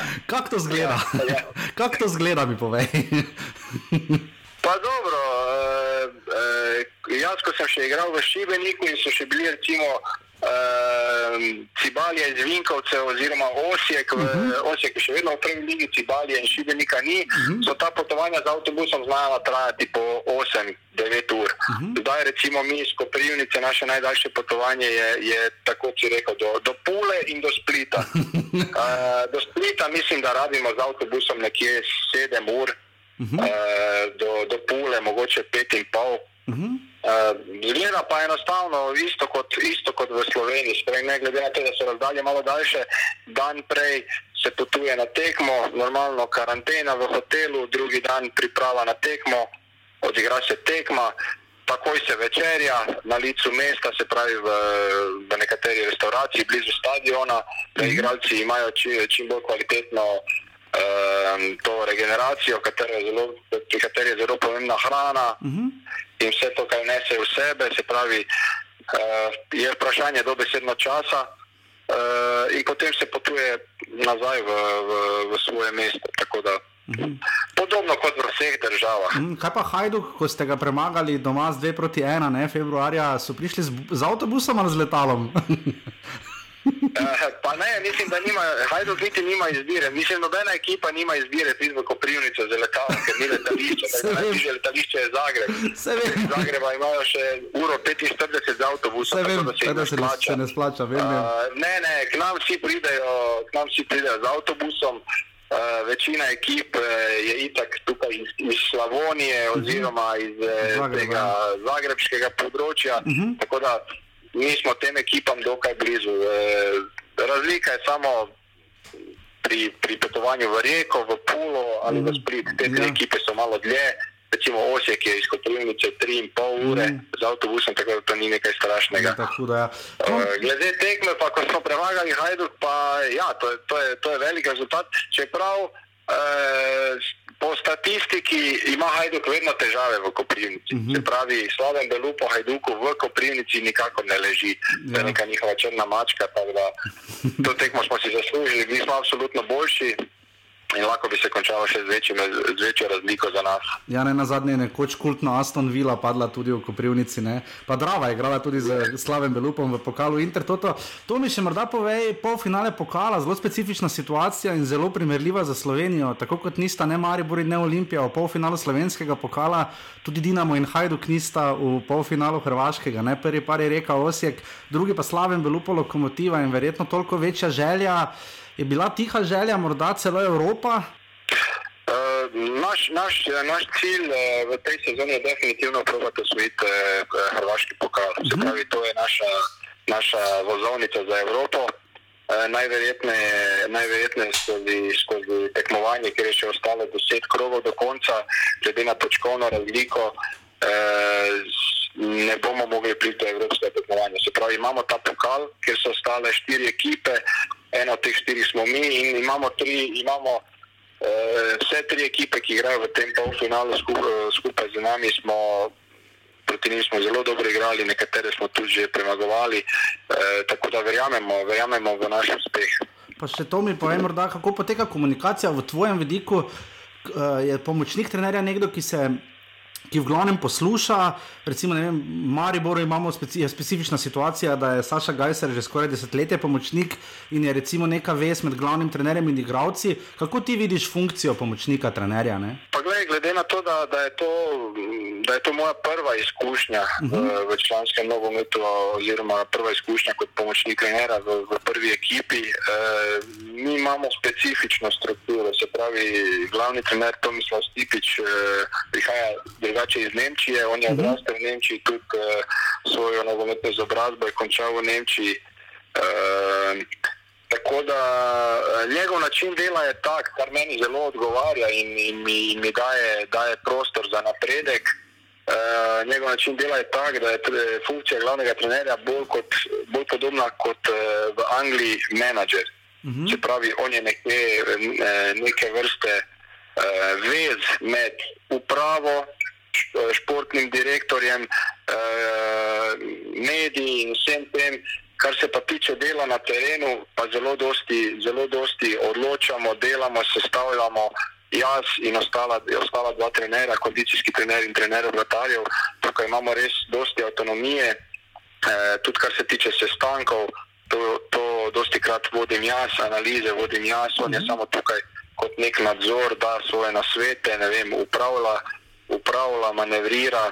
Tako da eh, mislim, da, da moje delo kot pomočnik trenera v tej situaciji mogoče ni, ni toliko specifično kot mogoče večine, večine pomočnikov trenerov. Tako da Tukaj dobivamo zelo dosti izkušenj, zelo dosti sem eh, v komunikaciji z, z igralci, zelo dosti, zelo dosti eh, sam sestavljam stvari. Eh, res moram, reč, moram pohvaliti trenera, da imam veliko avtonomije pri, pri svojem delu in mi zaupa. Tako da res tukaj, tukaj sem imel veliko srečo. Super, in še v Offsetu se veliko pogovarjamo o sistemu, recimo kako naj se igra pokal. Uh, kdaj ne bodo tekme, dolžina zimskega premora. Hrvaška nam je podobna, recimo po številu klubov v prvi ligi. Začnejo recimo za nami nekoliko prvenstvo, traja dlje v decembr, tudi nekoliko prej začnejo, manj tekem med tednom. In pa pokal je ravno zanimiv, ne? ker uh, ni povratnih tekem, ne? s četrtfinalom vred. Uh, kolikšna tu razlika, oziroma je recimo pokal toliko večja možnost, je toliko bolj popularen, je toliko bolj nekaj, kar uh, vseeno morajo veliki klubi braniti čast, mlajši napadajo. Kakšna je izkušnja hrvaškega pokala in pa recimo hrvaškega ligaškega sistema ne? ali pa koledarja? Uh, dobro, tako si rekel, uh, uh, ligaški, ligaški koledar, oziroma ligaško tekmovanje je podobno kot pri nas, uh -huh. deset, deset moštev, uh -huh. deset moštev, štiri krožne sistemi igranja. Uh -huh. Uh, prvo, da ti odgovorim, uh, ena, en, en vzrok, zakaj se mogoče na Hrvaškem igra, igra mogoče dlje v zimo, uh -huh. je ta, ker uh, vsi hrvaški prvoligaši imajo igrišča z travnato površino, ki je hibrid. Uh mhm. -huh. Se pravi, eh, je podobno, isto kot na ljudskem vrtu uh -huh. in ja, ja. v Stožicah, če se ne motim v Sloveniji. Uh -huh. To sta edina dva kluba, ki imajo eh, travo za hib, eh, to, to hibrid, se pravi, to je mešanica med umetno in naravno no, travo. Ja. Uh -huh. eh, pozitivno, pozitivna stvar tega je, da igrišča težko zmrznejo uh mhm. -huh. in eh, ne. ne ob slabih raz, vremenskih razmerah ne, ne ustvarja blata, se pravi, igrišča niso težka. Tako da lahko potegnemo malo dlje v zimo uh mhm. -huh. in mogoče malo prej tudi začnemo z spomladanskim delom prvenstva. Uh mhm. -huh. Kar se tiče pokala, pa, menim, da, menim, da je to zelo zanimivo. E, se pravi, igra se ena tekma. Uh. -huh. Se pravi, to je kot neki ruski rolet. Imáš eno tekmo, moraš se za njo pripraviti, žreba se na licu mesta, kdo bo domačin. Uh -huh. 90 minut in to je to, kdo bo boljši. Uh -huh. Spravi, skoncentriraš se na teh 90 minut, ni taktiziranja 11 na 11, 90 minut in da vidimo, da vidimo kdo bo prišel dalje. Tudi uh, na tak način je Gorica premagala Hajduka, uh -huh. ga je vrgla ven, pokala, uh -huh. potem smo mi v četrt finalu na isti način premagali Gorico, uh -huh. njih doma. Ja, reka, premagala uh, Dinama. Premagala ja. Dinama. Uh -huh. In pokal postaja toliko, toliko bolj zanimiv, ker se zdaj realno od štirih ekip, ki so ostale eh, v tem eh, končnem delu tekmovanja, vsaka od teh štirih ekip eh, lahko osvoji pokal. Ja. Eh, res je, da, mogoče, da imajo mogoče Rijeka in Osijek mogoče malo, malo statistično večje možnosti, dobro, ne obe, ker igrata med seboj, ampak tu je tudi lokomotiva, ki ima zelo dobro mlado ekipo, ki je trenutno tretja na lestvici. In tukaj smo tudi mi kot nek outsider, ampak smo vedno, smo vedno lahko nevarni. Saj ne na zadnje igramo proti lokomotivi tudi pri nas doma in pre na zadnje, ko smo igrali pri nas doma, smo jih premagali ena proti nič. Upamo, upamo na najboljše in uh, upamo na finale. Ja. Na finalu pa se itak gre vedno na zmago. bomo, bomo držali pesti, mogoče pa kdo ve, mogoče pa se še enkrat srečata z Simonom Rožmanom. Uh, Še samo to, kdaj misliš, da se bo nadaljevalo prvenstvo, oziroma kako to poteka na Hrvaškem? Pri nas se je z nekaj datumi operiralo, uh, tudi pri nas se zdaj nekaj govori o možnostih počasne kolektivne vadbe, postopne. Ne? Kako je s tem na Hrvaškem, podobno kot pri nas? E, ja, tukaj pri nas. Koliko vem, imajo jutri zelo pomemben sestanek uh -huh. eh, na Hrvaški nogometni zvezi, kjer se bo prinesel ta končni predlog ali bomo začeli igrati že 30. Eh, oziroma 31. maja, ali bomo začeli igrati v začetku junija. Uh mhm. -huh. En od predlogov je, da se začne takoj s pokalom, da bi, da bi bile te dve, ti dve pokalni tekmi nekakšen test. Uh, in če bi ta test uh, uspešno prestali, se pravi, klubi in uh, vse te, z vsemi temi pravili, ki bodo sledili, uh, ki bodo sledila, potem bi se tudi nadaljevalo Hrvaško prvenstvo. Mm. Uh, vsi, vsi klubi na Hrvaškem že uh, dva tedna trenirajo po mhm. skupinah, mm -hmm. pravi po pet igralcev na, na enem igrišču. Uh, uh, kjer smo dobili tudi nekatere, nekatera pravila, ki so zelo rigorozna, in upamo, da bo, da bo od naslednjega tedna mogoče tudi trenirati ekipno. Mhm. E, tako da se pripravljamo na to, e, improviziramo, znajdemo se na najboljši možni način. Igralci so že željni nogometa, publika tudi verjamem. Tako da če bomo zdaj prestali ta testiranja, ki jih bomo imeli naslednji teden, vsi klubi na Hrvaškem, če bo vse ok, če ne bomo pozitivnih. E, na koronavirus, potem mislim, da bomo kmalo začeli tukaj sezono. No, in bomo držali, seveda, pesti Sandro, najlepša hvala znova ne, in uh, upam, da kmalo še znova vse možne vprašanja, ker te res fajn poslušati in res hvala, da si si znova vzel čas. Ne. Hvala, Jaša, hvala za tvoj klic, hvala za tvoj interes in z veseljem bom, bom bral še naprej vašo rubriko. hvala, adijo. Adijo, adijo.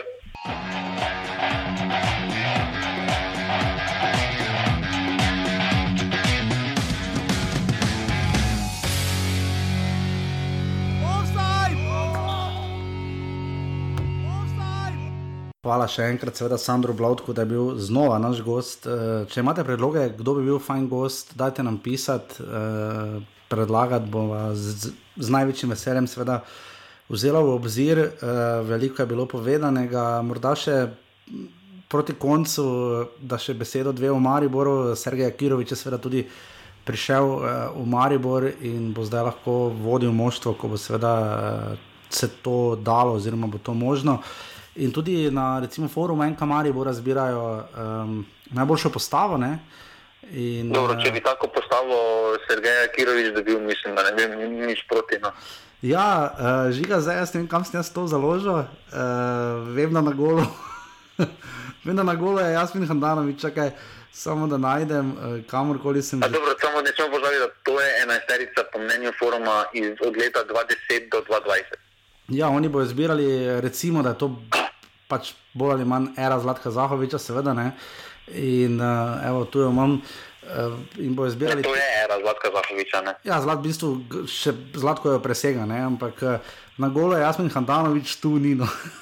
No, mislim, da, mislim, da tu spoh. To je torej od 20 ere, ne, da ne bo pomote, zbirali bojo tudi od 2000 do 20, kar bo zelo zanimivo, za koga bodo dali spoh v izbor. Uh, Uh, ni še dokončana, tudi to povemo, da še ni dokončana. Prej smo že omenjali, da je Stojanovič dobil prednost pred Milcem, to je zanimivo, ampak se oba strinjava. Uh, levi bek je seveda Mitja Viler, ki nima konkurence. Zanimiva debata med nami in žigo je bilo.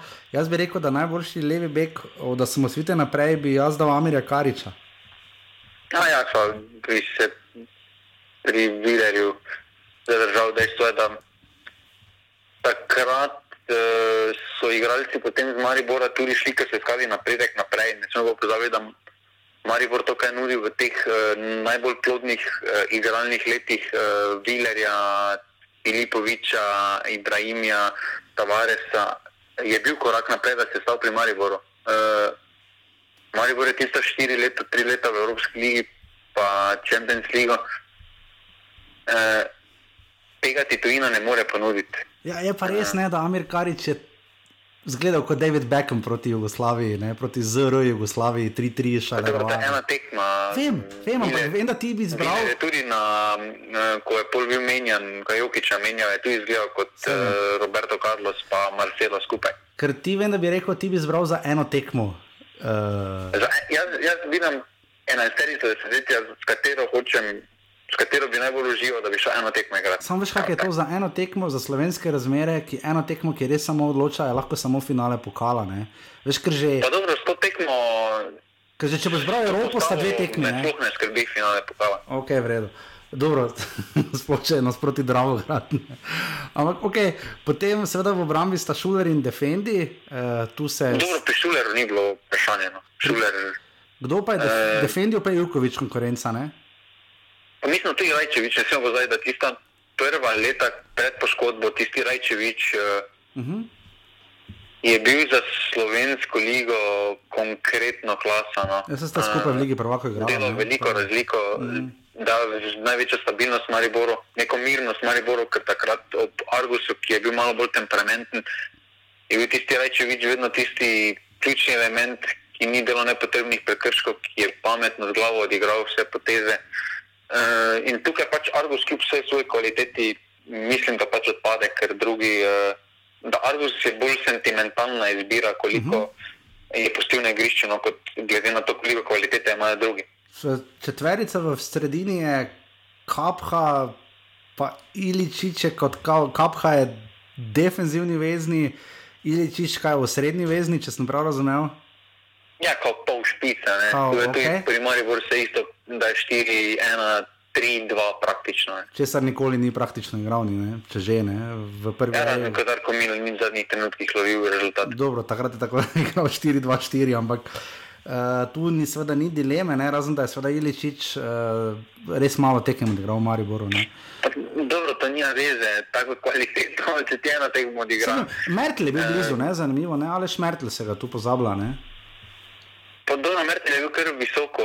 Mislim, da pri Mertelu je tudi ta sentimentalna eh, navezanost več kot odličen nogometaš, mm. ampak eh, od tiste Mariborovih najbolj plodnih let eh, je vseeno bil Filipovič, tista gonilna, tista stalnica Uh -huh. eh, v sredini, ki je, ne, ne poznam, prišel je skozi zelo mala vrata. Okej. Eh, Izbrana sta. Praktično priporočilo Josipa Iličiča, predtem ni imel nekih resnih tekem, potem pa se mm. tako uveljavil, da, si, da če Marijo šel igrati evropsko tekmo brez Filipoviča, ja. Je bilo skoraj, si bil skoraj bolj skrbeh na tribunah, kot če Tavaresa ne bi bilo. No. Ja, to drži, to definitivno drži. Da Filipovič bi tu bil zelo blizu in pa seveda izbrana sta zaenkrat, se pravi, glasovanje še ni končano. Uh, Agib Ibrahimi, kar drži, ne? Uh, čakaj, on je, on je zbran kaj des, desno, ne? Ja. resno. Ja. Uh, in pa levo, Dejan Mezga, ne? Eh, Tudi Presenetljivo. mislim, da ni izbirano, da je ne z naskokom. Zakaj pa ne boha režiga? Mm, pa dobro, te poteze. Um, Mezga je bil eden izmed redkih nogometašev uh, pod Zlatkom Zahovičem, ki je lahko v polnem sprintu praktično sprejel žogo in jo je tako kontroliral, da je šla akcija normalno takoj naprej. Uh, če se pogleda malo posnetke za nazaj uh, in ne bi imel tistih poškodb, ki so ga potem malo ustavili njegov razvoj, mislim, da bi se zelo lepo razvil, če se pogleda samo skozi zgodovino, kakšne zadetke je dosegal sam Maribor.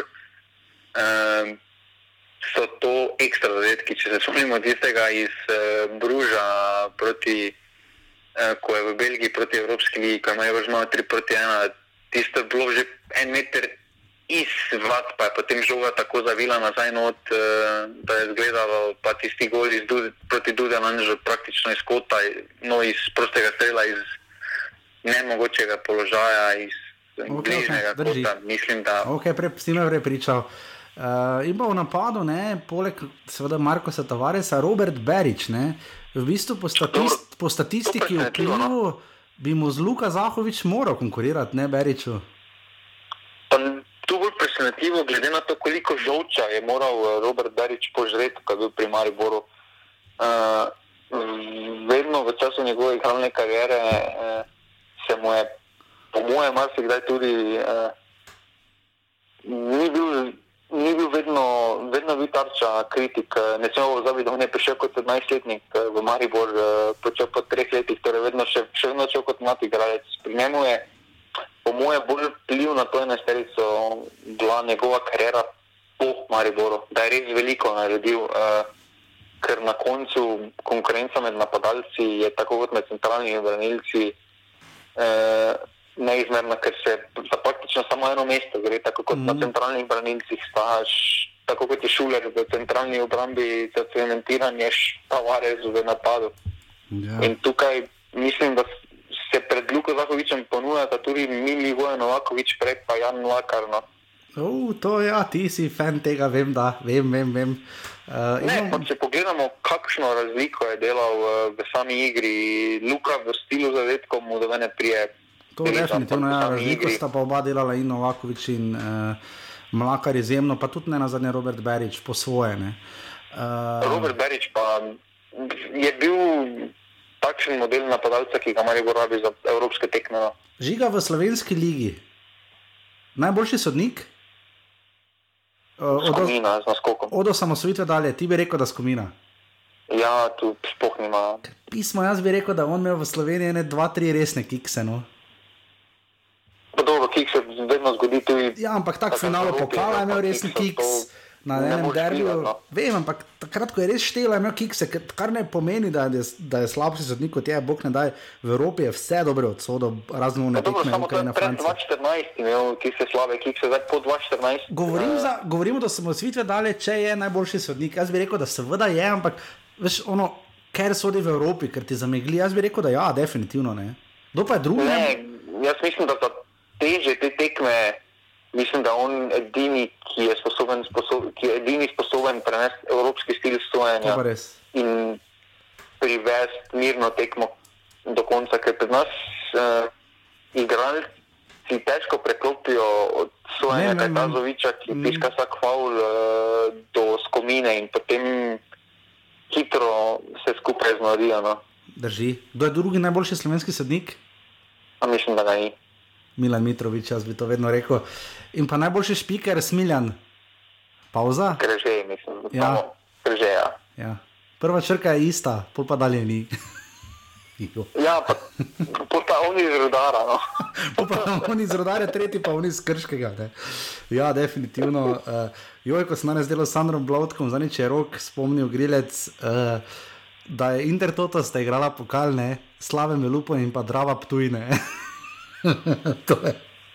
Ker je eden bolj bizarnih podatkov. Jaz upam, da smo danes eh, smo sicer bolj zavili v idealne enesterice.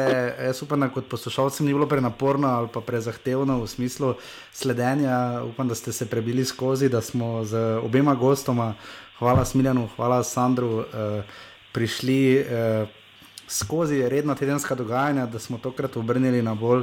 Eh, spet drugačen tip podaje in naslednji teden bomo spet verjetno bolj tehnični, ker zna se zgoditi, da bodo sprejete določene odločitve, ki bodo tako ali drugače vplivali seveda, na nadaljevanje nogometa, ampak eh, dogaja se ogromno izjav, je kar nekaj. eh, Veliko smo se obadali s tem, kaj bi bilo, če bi bilo 16 klubov, ne.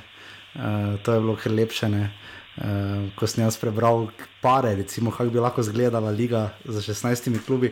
Preberite si, Za primer, idite na stran prva liga, uh, pika si, idite pod stran tekmovanje in nastavite desno zgoraj, dva, uh, ne prvo sezono 91-92, ampak drugo 92-93, poglejte prvi krok pare. Ne, uh, Največja obiskanost mislim, je bila v Naklem, ker je bilo 2500 gledalcev. Žiga, ti si pred, ti, uh, pač se tudi jaz, bil sicer rojen že, ampak uh, ti si se ravno takrat rodil, ampak ko ti vidiš te pare, ne, na kaj ti pa misliš, kako se tebi to zdi? Um, Ja, navdušen sem, da je toliko, da je tako popularen slovenski nogomet. Ampak eh, si ne znam predstavljati, kako je to v smislu kvalitete izgledalo. Je pa res nekaj, ne, da se je sezona 92-93 začela 15. augusta, ne, pazi to en mesec zatem, kot se začne danes. Mislim, da to uh, edini smotrn datum za začetek. Eh, Oziroma, zdaj z vidika uh, Evrope, da hočemo, da kaj pokažejo, mogoče začetek avgusta je bolj tisti primern, da neki tekmovalni ritem malo uloviš, ampak vseeno. Ja, in da vam povem, eh, v tistem krogu živela Naklo so pred uh, 2000, ne, 1500 gledalci doma izgubila z nič proti dve proti elektroelementu za gorje. Ne. Tekma kroga je pa bila odigrana, seveda uh, Belvedur Izola in Steklara Rogaška sta se razšla za 3 proti 3. Žiga, to so rezultati. Tisoč gledalcev, Milan Mitrovič je bil, uh, je bil uh, seveda sodnik na tej tekmi 16. augusta 1992. Uh, za Izolo sta med drugim, so igrali med drugim Ami Ružnič, Novica Nikčevič in Mladen Rudonja, uh, medtem ko so za steklaro Gaška, da vidim, če koga poznam, nobenega. Ja, zgodovina uh, nudi takšne in drugačne efekte. Jaz upam, da smo m, tokrat osvetlili ali pa razvedrili slovenski nogomet tako ali drugače. Žiga, sva karkoli tajega pozabila, verjamem, da sva vedno se kaj dogaja, še kaj nujno omembe vrednega. No, ne, se ponedeljek bo kaj zgodilo.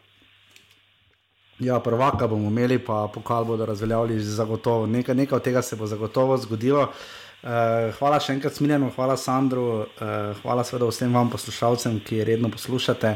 Upam, da je tokratna nedeljska oddaja objavljena na, na tradicionalni ponedeljek, seveda uh, bila ok uh, in da bomo seveda nadaljevali v tem tempu čim bolj naprej. In da kdo ve, mogoče žiga je konc maja prvenstvo, ja ne. Pa mislim, odvisno zdaj do naslednjih dveh tednov. No. Če Ja. bo se lahko začelo z naslednjim tednom trenirati po nekih manjših skupinah, potem dva, tri tedne je treba dati za priprave, konec maja neka realna številka, Ja, eh, no, datum. bi se dalo, tako da to pomeni, da bomo veliko tekem gledali. No, potem bo, ker prvenstvo nam manjka koliko, 9 krogov, 10, se ne vem niti. Čakaj, pri nas je 11 krogov, ja, kar se da kar hitro narediti, uh, skupaj s pokalom in upamo, da bo to šlo. In uh, za konec, seveda, tradicionalna vaša najljubša rubrika, če se znajdete v offsajdu. Čakaš v vrsti za frizera. A dobro. Čaj, to, ja, ok, pa za McDonald's, ne? To, to še ne. Pa za McDonald's, ja. Pa odgovarjaš, pa poslušaš Kamijo Kabejo, ne? Pa Šona Mendesa, ne? Kak je že naslov pomlada? Ni napačno. Seniorita, ne? Sprav, Seniorita. Ne vem, zakaj bi igralce vprašal najljubši avto. Je. Ne, ne vem, no. Ne vem, meni se zdi to tako stigmatiziranje nogometašov, no. Ne vem. Ne vem, to... Dobro, vemo, kdo, kateri nogometaš eh, je pri srcu, Jaš, Jaš je imel zelo rad avto. Ja. Oziroma ima zelo rad avto. Ja. Premija za Liga prvaka je šla na... Veseli, premija, premija za Liga prvaka je šla na pezno, ne? Kakorkoli uh, se slišimo, seveda spet naslednji teden v 203. offsajdu, upam, da vam je bil ta všeč, sodelujte v skupini Pasivni offsajd. Živa, hvala tebi, hvala, adijo. Hvala, adijo. Jer ja, jer ja.